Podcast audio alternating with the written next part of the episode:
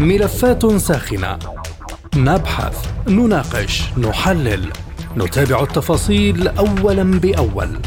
ملفات ساخنة برنامج يلقي الضوء على كل الملفات مع باقة من أبرز المحللين والمسؤولين. أهلا بكم مستمعينا الكرام في حلقة جديدة من ملفات ساخنة وهذه جيهان لطفي تحييكم. في ملف اليوم نناقش هل تنهي مبادرة رئيس الوزراء العراقي أزمة كركوك؟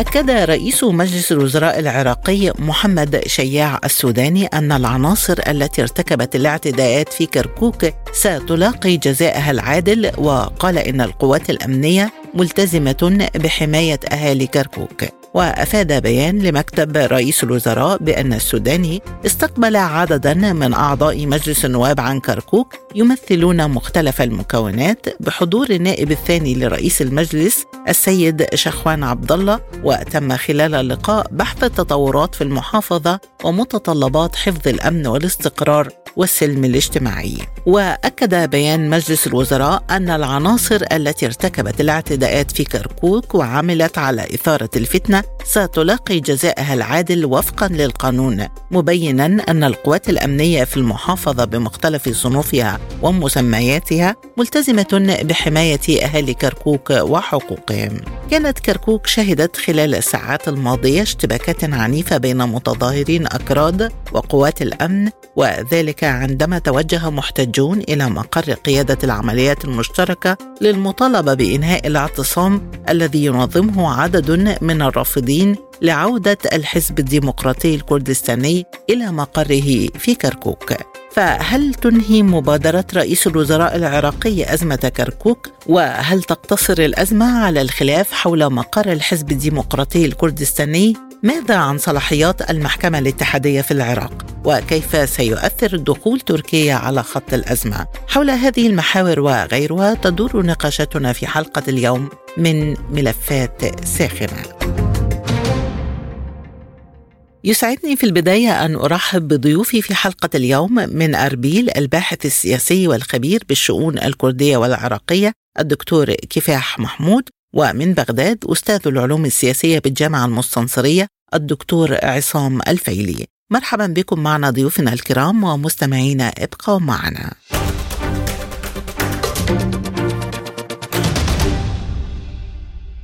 البداية من أربيل ومعنا عبر الهاتف الباحث السياسي والخبير بالشؤون الكردية والعراقية الدكتور كفاح محمود مرحبا بك معنا ضيفا عزيزا دكتور كفاح وبداية هل تكشفت ملامح مبادرة رئيس الوزراء العراقي لإنهاء أزمة كركوك؟ بداية لم تعلن وسائل الإعلام هنا أو الجهات الرسمية في إقليم كردستان شيء عن هذه المبادرة سوى أنه أرسل مستشارا له وناطقا باسم القيادة العامة للقوات المسلحة لتقديم التعازي لذوي الشهداء الأربعة الذين قتلوا على أيدي آه، ميليشيا عصائب أهل الحق. ووعدهم بأنه سيلاحقهم وسيقتص منهم. اذا إلى أي مدى يمكن لهذه المبادرة أن تنزع فتيل الأزمة خاصة بعد سقوط ضحايا؟ المبادرة لا أعتقد يعني هناك غير قرار المحكمة الذي عقد الموضوع أكثر بإيقاف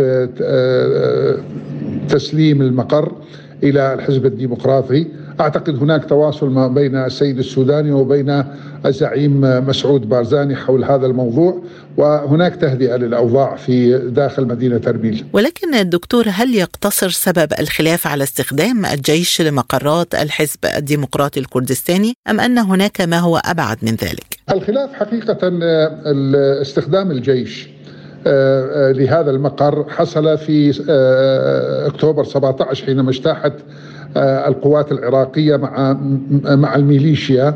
والحشد الشعبي طبعا في خرق للقانون في خرق للدستور لأنه الدستور لا يسمح للقوات المسلحة التدخل في الخلافات السياسية بين الإقليم وبغداد. عموما حصل ما حصل وتم اجتياح واحتلال كافة مقرات الحزب الديمقراطي الكردستاني بما فيه هذا المقر الرئيسي في آه، آه، في مركز آه، مدينة كركوك والذي تم بناءه على نفقة الحزب وبأسلوب رسمي تعرف به إدارة محافظة كركوك إذا برأيك هل يرتبط التصعيد بالانتخابات؟ أعتقد التصعيد الذي حصل آه، يقع في دائرة الدعاية الانتخابية والتغطية على ما تقوم به الولايات المتحدة الأمريكية في منع التواصل ما بين ميليشيا آه، آه، الميليشيا الولائية التي آه، تهيمن عليها إيران وبين أذرعها في سوريا وفي لبنان.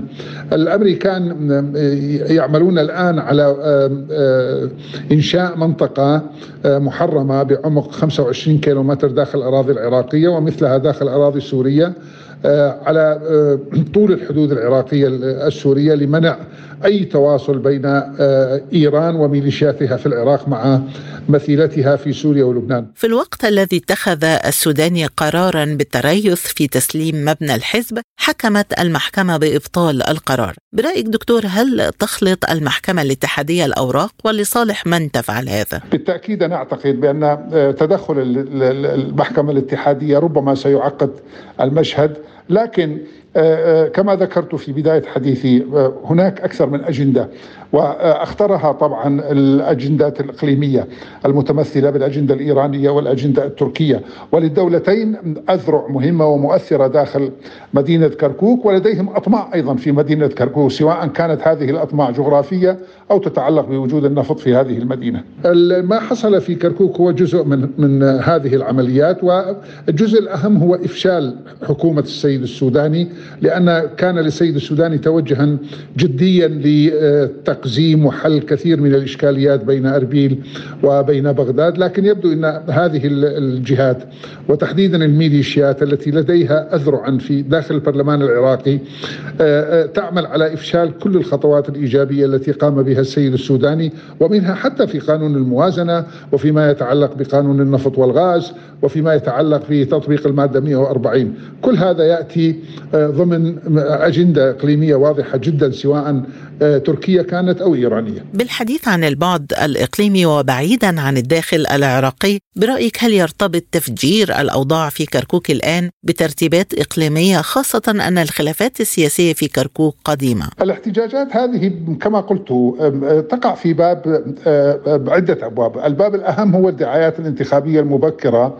لانتخابات مجلس المحافظة. الباب الثاني هو عملية الضغط على حكومة السيد السوداني ربما لإفشالها أو لإيقاف جديتها في تطبيق تلك الاتفاقيات. ولكن دكتور دخول قوى إقليمية مثل تركيا على خط الأزمة برأيك هل سيساعد في الحل أم يزيد الأزمة تعقيدا؟ من الصعب أن تتورط تركيا أو إيران في التدخل عسكريا في داخل آه، آه، ترك في داخل كركوك. آه، لأنهم يمتلكان اذرعا تقوم بالعملية بدلا عنهم. يعني الإيرانيين لديهم ميليشيات ولائية. تنفذ كافة أجندتهم وللأتراك أيضا امتدادات داخل كركوك وهي الجبهة التركمانية على علاقة وثيقة جدا بالسلطات التركية وبالانتلجنسيا التركية ولذلك أعتقد لا تحتاج التدخل المباشر لأن هناك من ينفذ أجندتها داخل محافظة كركوك. اذا هل يمكن أن يؤدي قرار المحكمة إلى تعميق الفجوة بين الإطار التنسيقي والحزب الديمقراطي؟ حقيقة الأمر إن الفجوة هذه حصلت منذ عدة أشهر حينما انقلب الإطار على كثير من الاتفاقيات التي جرت آه، جرى آه، توقيعها بين الإطار التنسيقي وبين الديمقراطي الكردستاني أبان تأسيس أو تشكيل آه، تحالف إدارة الدولة. ولذلك أنا أعتقد هناك جزء كبير من الإطار يعمل على إفشال حكومة السيد السوداني وتوجهها الجدي لحل الإشكاليات بين بغداد وأربيل. هذا الجزء لديه أذرع ميليشياوية تنتشر في كثير من المناطق الساخنة التي تحتاج إلى حلول مثلا في منطقة السنجار وتواجد هذه الميليشيات هناك بالتعاون مع حزب العمال التركي وبعض المرتزقة القادمين من سوريا وتركيا آه، ناهيك طبعا عن التواجد آه، غير الشرعي في مقرات الحزب الديمقراطي الكردستاني في كركوك والتي كانت ضمن آه، صفقة إدارة الدولة أن يتم إخلاء هذه المقرات من قبل سواء الميليشيات أو من قبل بعض وحدات الجيش العراقي ومن ضمنها المقر الرئيسي في مركز المدينة. أخيرا دكتور إلى أين تتجه الأحداث بعد محاولة التهدئة خاصة في ظل استمرار الاحتجاجات على عودة الحزب للمقر؟ أنا أعتقد آه، العقلاء سواء هنا في كردستان آه، أو في في بغداد آه، لن يسمحوا بتطور الأحداث في كركوك إلى حد الاحتراب ستبقى هذه الخلافات السياسية مستمرة لحين تطبيق المادة 140 وأنا أتوقع بأنهم سيضعوا كثير من العراقيل أمام تطبيق المادة 140 كما وضعوا العراقيل أمام تسليم مقر الديمقراط الكردستاني في أربيل. مما زاد الطين بله حقيقة هو تدخل المحكمة الاتحادية وإيقافها قرار آه، آه، رئيس الوزراء في الوقت اللي كان هناك آه، تواصل مستمر بين الزعيم مسعود بارزاني زعيم الحزب الديمقراطي الكردستاني وبين السيد السوداني. من أربيل كنت معنا الدكتور كفاح محمود الباحث السياسي والخبير بالشؤون الكردية والعراقية. شكرا جزيلا لهذه الإيضاحات.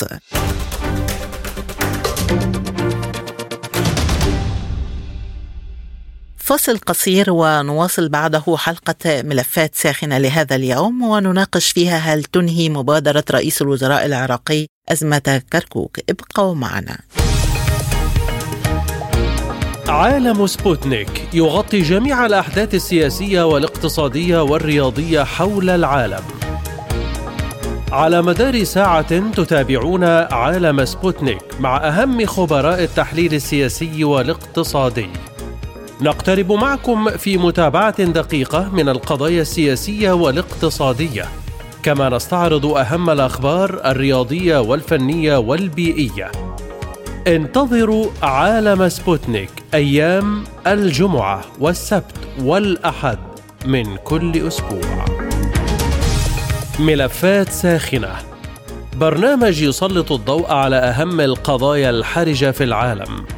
في ملفات ساخنة نستعرض القضايا مع جميع الأطراف ومن كل الزوايا لاستجلاء الحقيقة. ملفات ساخنة يستضيف أهم الخبراء وأجرأ الضيوف. تابعوا ملفات ساخنة مع راديو سبوتنيك أيام السبت والثلاثاء والخميس من كل أسبوع. وحول الأبعاد العميقة للأزمة وصلاحيات المحكمة الفيدرالية معنا من بغداد الدكتور عصام الفيلي أستاذ العلوم السياسية في الجامعة المستنصرية. مرحبا بك معنا دكتور عصام. بداية ما هي أبعاد الأزمة في كركوك؟ وهل تتمحور حول مقر الحزب الديمقراطي فحسب أم أن هناك وراء الأكمة ما وراءها؟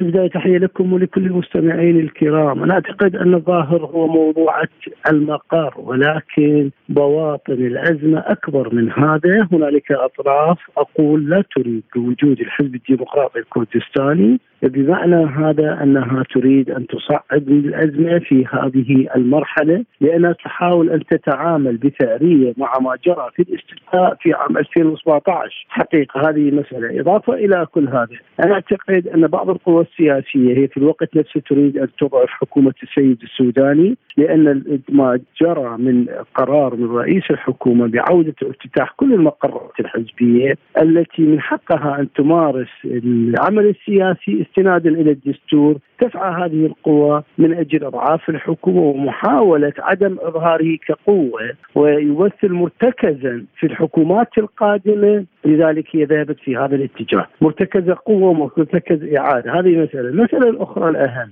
أنا أعتقد طبيعة قرب الانتخابات والصراعات ما زالت موجودة وبالتالي حتى بعض الأطراف الكردية لها دور في موضوع عدم عودة الحقيقة افتتاح هذه المقرات. لذلك المسألة أخذت يعني بعض القوى السياسية لم تعلن يعني رفضها. ولكن اتجهت إلى أسلوب آخر متمثل بالأسلوب الشعبوي أو المكونات الاجتماعية. ولذلك هذا التصعيد أنا أعتقد من الناحية العملية ليس هنالك جهة تستطيع أن تمنع جهة من افتتاح مقرات لها. في مناطق نفوذها قد تكون هنالك يعني اليوم حقيقة افتتاح المقر الحزب الديمقراطي الكردستاني لم يكن لا في البصرة ولا في العمارة ولا حتى في الناصرية يعني. في مناطق عربية بحتة ولكن في مناطق تتواجد فيها الكرد التركمان العرب والسؤال يطرح نفسه لماذا يحق لبقية الأحزاب أن تفتح مقراتها ولا يحق لها أن تفتح مقر إعادة افتتاح مقرها في هذا بالحديث عن هذه النقطة ما هي تداعيات قرار المحكمة الاتحادية بإيقاف إجراءات فتح مقر الحزب الديمقراطي الكردستاني في كركوك؟ يعني المحكمة الاتحادية اتخذت هذا الإجراء بناء على طلب قدم من أحد الشخصيات يعني أعتقد. وبالتالي هي أرادت تعطي مساحة من الوقت من أجل خلق تفاهمات سياسية. هذه مسألة جدا مهمة. إضافة إلى كل ما تقدم أنا أعتقد القرار, القرار الولائي هو يأتي في الأوقات العصيبة بمعنى محاولة آه، آه، ردم أزمة مستقبلية أو آنية قد تحصل. إضافة إلى كل هذا هذا القرار بحد ذاته أنا أعتقد سيعمق الفجوة ما بين آه، هنا أتحدث عن الإطار التنسيقي. وما بين الديمقراطي الكردستاني وفي الوقت نفسه هنالك الكثير من الإشكاليات التي بدأت تعود إلى صالونات السياسية للاستفهام سواء ليس فقط داخل الديمقراطي الكردستاني حتى داخل المكون السني أنا أقولها. يقولون إنه إذا كانت مثل هذه القرارات البسيطة أو هذه المعالجات يتم معالجتها من قبل بعض الأطراف باللجوء إلى القضاء. كيف لهم؟ كيف لنا؟ سنستطيع أن نضمن حقوق المكون السني في قانون العفو العام؟ كيف ممكن أن نطبق اتفاقيات أكبر واعقد من هذه في قادم الأيام؟ ولذلك أقول أن وضع ائتلاف إدارة الدولة أصبح أكثر هشاشة من ما هو عليه وبالتالي سيكون إعادة النظر في كل التحالفات في هذا الموضوع، التحالفات هنا نتحدث عن التحالفات المستقبلية في في يعني بالانتخابات القادمة خاصة أن آه، طبيعة خمائر الممارسة السياسية السابقة للإطار التنسيقي امتازت بعدم الالتزام بالاتفاقيات، ليس فقط مع هنا أتحدث من شكل ائتلاف إدارة الدولة وإنما حتى مع حلفائهم الاتحاد الوطني الذين تعهدوا معهم في الذهاب لاختيار مرشحهم في آه، الذي كان في ذلك الوقت برهم صالح ولكن في حصول اختيار رئيس الجمهورية ذهبوا إلى مرشح الديمقراطي الكردستاني. هذا يعطي آه، صورة نمطية بأن المعالجة ما زالت هي معالجة قلقة. وقد تحتكم إلى أمزجة وأهواء سياسية غير موضوعية وهذا بحد ذاته ينذر أنا أقولها بزلزال للعملية السياسية بأكملها نعم دكتور فيما يتعلق بالقانون والصلاحيات برأيك هل هناك خلل هيكلي في الدستور العراقي وفي اختصاصات وصلاحيات المحاكم بحيث أدى إلى مثل هذه الأزمة؟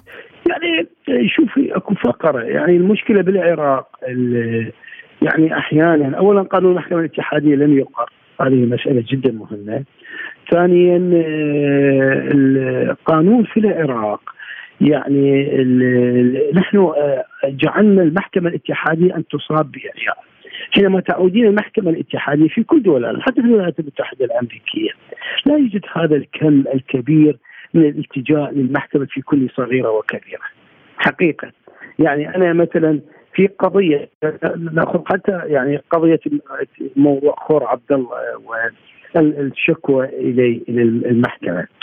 يعني هنالك مسائل كثيرة. المفروض أن يكون هنالك قوى سياسية تدرس القرار السياسي قبل اتخاذه أو حتى قبل التوقيع عليه. فلذلك أنا أعتقد هذا يعطي حالة التشظي داخل البيت السياسي. محكمة المحاكم العراقية مجبرة في النظر في كثير من القضايا التي تأتي.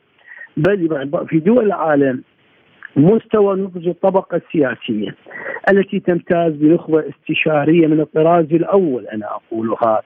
هذه النخبة هي التي تقدم الحلول الناجعة الحزبوية والعصبية الحزبية في كثير من القوى السياسية. جعلت أن تقدم أنصاف الحلول الحزبية في كثير من مواضيع إدارة الدولة أنا أقولها على الحلول المتكاملة من غير الحزبية. ولذلك يعني حقيقة أوقعهم في مأزق، كذلك التناحر. إلى الآن داخل المك... داخل المكون الواحد، داخل اللون الواحد هنالك عدة كانتونات سياسية، عدة بيوتات، بعدين المشكلة في العقل السياسي العراقي لا يؤمن بالتفاهم ثم التكامل يؤمل بعملية الإقصاء للآخر في بلد مثل العراق يقضى على ثروات لا يمكن أن توصف. يعني تتجاوز ثروات آه، أحلام ألف ليلة وليلة. يعني حقيقة أقولها بكل في كل محافظة في كل جزء من العراق هنالك موارد مالية تكفي لدول. فلذلك طبيعة الصراع بين هذه القوى أنا أقول دائما يحاولون أن يغلفونه بقرار قانوني. المحكمة تنظر في بعدها القانوني لكن دائما في تطبيقاتها لكن الأحزاب السياسية لديهم آه، حقيقة آه، آه، رؤية أخرى هي غير قانونية. لديهم مصالح ذاتية لديهم مصالح حزبية. ولذلك حتى بعد قرار المحكمة الاتحادية اليوم بدأنا نسمع حديث من قوى سياسية تقول من الآن فصاعدا نحن سنرجع إلى المحكمة الاتحادية. يعني هذا إعياء للمحكمة. المحكمة الاتحادية هي تختص في نزاعات ما بين مثلا المركز والإقليم تختص في قضايا معينة. ولكن لا يمكن المحكمة الاتحادية في كل شاردة وواردة أن يذهبون إليها. ولذلك أحيانا حتى حينما يذهبون لموضوعة الشكوى للمحكمة الاتحادية المحكمة الاتحادية تقول هذا الشهادة ليس من اختصاصنا. إذا كيف لرجل قانون أن يقدم شكوى لدى محكمة وهي ليس من اختصاصها؟ هذا حقيقة يعطينا انطباع بأننا ما زلنا في أقول مراحل أولى لنخبة قانونية هنا أتحدث عن المحامين يمتازون بجهل قانوني فظيع إذا ما هو تقييم حضرتك لمبادرة رئيس الوزراء لإنهاء الأزمة وتعليماته بحفظ الأمن في المحافظة؟ وإلى أي مدى يمكن أن تنجح مساعيه في هذا الخصوص؟ يعني أول رئيس الوزراء هو ليس طرف من الأزمة هو بالأساس يعني يكاد يكون بعض الأطراف من الإطار التنسيقي يعني حقيقة آه، وجهت اتهام له. يا رئيس الوزراء لماذا؟ رئيس الوزراء هو يحترم تعهداته يحترم توقيعاته ذهب باتجاه موضوع معالجة المشكلة هو يدرك أن افتتاح مقر لا يمكن أن يؤدي إلى أزمة بقدر ما يؤدي إلى حل حقيقي وبالتالي ليس هنالك خوف على مكون من حزب ما شابه ذلك. لماذا؟ لأن اليوم طبيعة التواجد الأمني والعسكري هو القوات الاتحادية، هنا اتحدث عن جهاز مكافحة الإرهاب، أتحدث عن قوات الجيش العراقي، أتحدث حتى قطاعات الحشد الشعبي الموجودة في كركوك حتى نكون دقيقين. ولذلك هذا الموضوع لا يشكل خطرا أو تهديدا للسلم الأهلي، هذه مساله. إضافة إلى كل هذا مثل حتى حينما أمر بإطلاق السراح معتقدي التظاهرات هو يدرك أن ما جرى هو يكاد يمثل يعني أقولها ثوره عاطفية في هذا الموضوع وأراد أن يوئد فتنة لطبيعه الاتصالات التي كان يجريها والتي اجراها اجرتها بعض الأطراف، هنا أتحدث عن الديمقراطي الكردستاني، أتحدث عن رئيس البرلمان، كلها يعطي انطباع بأن آه، رئيس الوزراء يتعامل بأنه يقف بالمنتصف مع جميع الحفظ على السلم والأمن الأهلي. على المستوى الدولي دكتور كيف تقيم تعاطي تركيا مع هذه الأزمة؟ وهل دخولها على الخط يمثل تعقيدا اضافيا أم يصب في صالح الحل؟ تركيا اولا حقيقة هنالك تركيا بالنسبة لها كركوك خصوصية. كركوك هي تكاد تكون واحدة من الحواضر الكبيرة للتركمان. هذه حقيقة. قد لا يشكلون التركمان الأغلبية الكبرى بالنسبة في كركوك، نعم الأكراد يشكلون أغلبية لكن كحاضرة كبيرة التركمانية، هذه مسألة. إضافة إلى كل هذا تركيا كونها تعد الأخت التركمانية الكبرى أو الأخت يعني بالنسبة لها، كما تعلمين أن امتداد المكون التركماني آه يعني ذو أرونية تركية يتجاوز العراق يصل حتى إلى بعض جمهوريات آسيا الوسطى هنا اتحدث. فلذلك تركيا حينما دخلت على خط الأزمة أرادت أن ترسل مسج أو رسالة بأنها آه، تدعم موضوع مكون اجتماعي قريب منها. على فكرة التعاطي التركي مع التركمان يمتاز في بعد سياسي. فمثلا أن التركمان السنة هم أقرب إلى تركيا من التركمان الشيعة. وهذا لا يأتي من من يعني حقيقة يعني رؤية دعني أقول طائفية. بقدر ما طبيعة التركمان الشيعة هم في علاقاتهم حتى في تحالفاتهم يدخلون يدخلون يدخلون مع المكونات الشيعية. واحيانا في علاقاتهم الاستراتيجية هم أقرب إلى إيران من تركيا.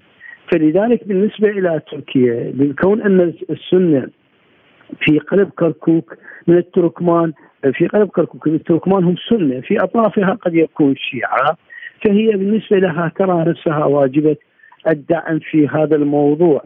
الموضوع بالنسبة إلى تركيا أنا أقولها أيضا في الوقت نفسه آه، تركيا لديها قلق من الحشد الشعبي حقيقة. حينما نعود إلى تصريحات آه، كبار المسؤولين الأتراك نجد أن هذا حاضر في خطاباتهم السياسية. ولذلك أيضا لديهم آه، تركيا مثلا على سبيل المثال قلقها من الحشد الشعبي يتجاوز تركيا لكي يصل إلى سنجار هنالك اتهامات. وحتى في زيارة هاجان وزير الخارجية التركي ونحن حينما نقول هاجان نقول منجم المعلومات المتكامل المتنقل عن الشأن العراقي ودول الجوار كونه رجل مخابرات من الطراز الأول حقيقة. فسعى الالتقاء لبعض القيادات من الحج الشعبي يبدو أنه أوصل لهم رسالة. كل هذا حاضر على مائدة أقول الخطاب السياسي أو القرار السياسي بالنسبة لتركيا فيما يخص موضوعات كركوك أخيرا دكتور وشكرا لوقت حضرتك. ما تأثير هذه الاضطرابات على العمليات المتعلقة بالنفط وصادرات الخام من كركوك؟ يعني موضوع مفروض أنا أقولها من الناحية العملية لأن الآن يعني نفط واقف لم يتم تدفقه. بالنسبة إلى بعض المناطق الأخرى هنا أتحدث عن آه، الوضع لكن دعيني أقول بعض الأطراف آه، تحاول أن تصعد من الأزمة كمحاولة لكي يكون لها بصمة في موضوع التهريب النفط. هنالك جهات أنا أقولها بكل صراحة الحكومة لذلك كان أول تحدي يواجه الحكومة موضوع إلقاء القبض على كبار المافيات من النفط. ونحن حينما نتحدث عن العراق ليس كل الأنابيب هي أحيانا تحت السيطره أحيانا بعض الأنابيب تمر في مناطق أقول يعني حينما يذهب شخصيات أو جهات متنفذة إلى أساليب معينة في موضوع الاحتيال على تهذيب النفط، يعني كأن يبنون جملون أو ماذا تسمونه؟ يعني يعني فد مخزن كبير جدا في وسط الأراضي السهول أو الصحراء ويبدأون بعمليات تهريب النفط، هنالك هنالك كثير من المصالح الاقتصادية. أنا أقولها إلى الان إلى الآن الطبقة السياسية لم تصل مرحلة بناء أنفسها. فكيف لنا نريد منها؟ أنا لا أقول كلهم أقول كثير منها هذه مسألة جدا مهمة. فلذلك هذه إشكالية. فكيف نريد منهم بناء دولة؟ الإيمان بمفهوم الإقطاعيات السياسية. إذا نحن أمام أزمة حقيقية. إذا لم يكن التحرر من هذه المفاهيم والذهاب باتجاه بناء دولة لا يمكن لنا أن نؤسس مفهوم حقيقي يعالج كل مشاكل العراق. بحديثي إلى أستاذ العلوم السياسية في الجامعة المستنصرية الدكتور عصام الفيلي وكان معنا أيضا من أربيل الباحث السياسي والخبير بالشؤون الكردية والعراقية الدكتور كفاح محمود. نكون قد وصلنا إلى ختام حلقة اليوم من ملفات ساخنة. قدمتها لكم جيهان لطفي وللمزيد زوروا موقعنا على الإنترنت سبوتنيك dot AE. شكرا لطيب المتابعة وإلى اللقاء. مستمعينا بهذا نصل وإياكم إلى نهاية هذه الحلقة من برنامج ملفات ساخنة. طابت أوقاتكم وإلى اللقاء.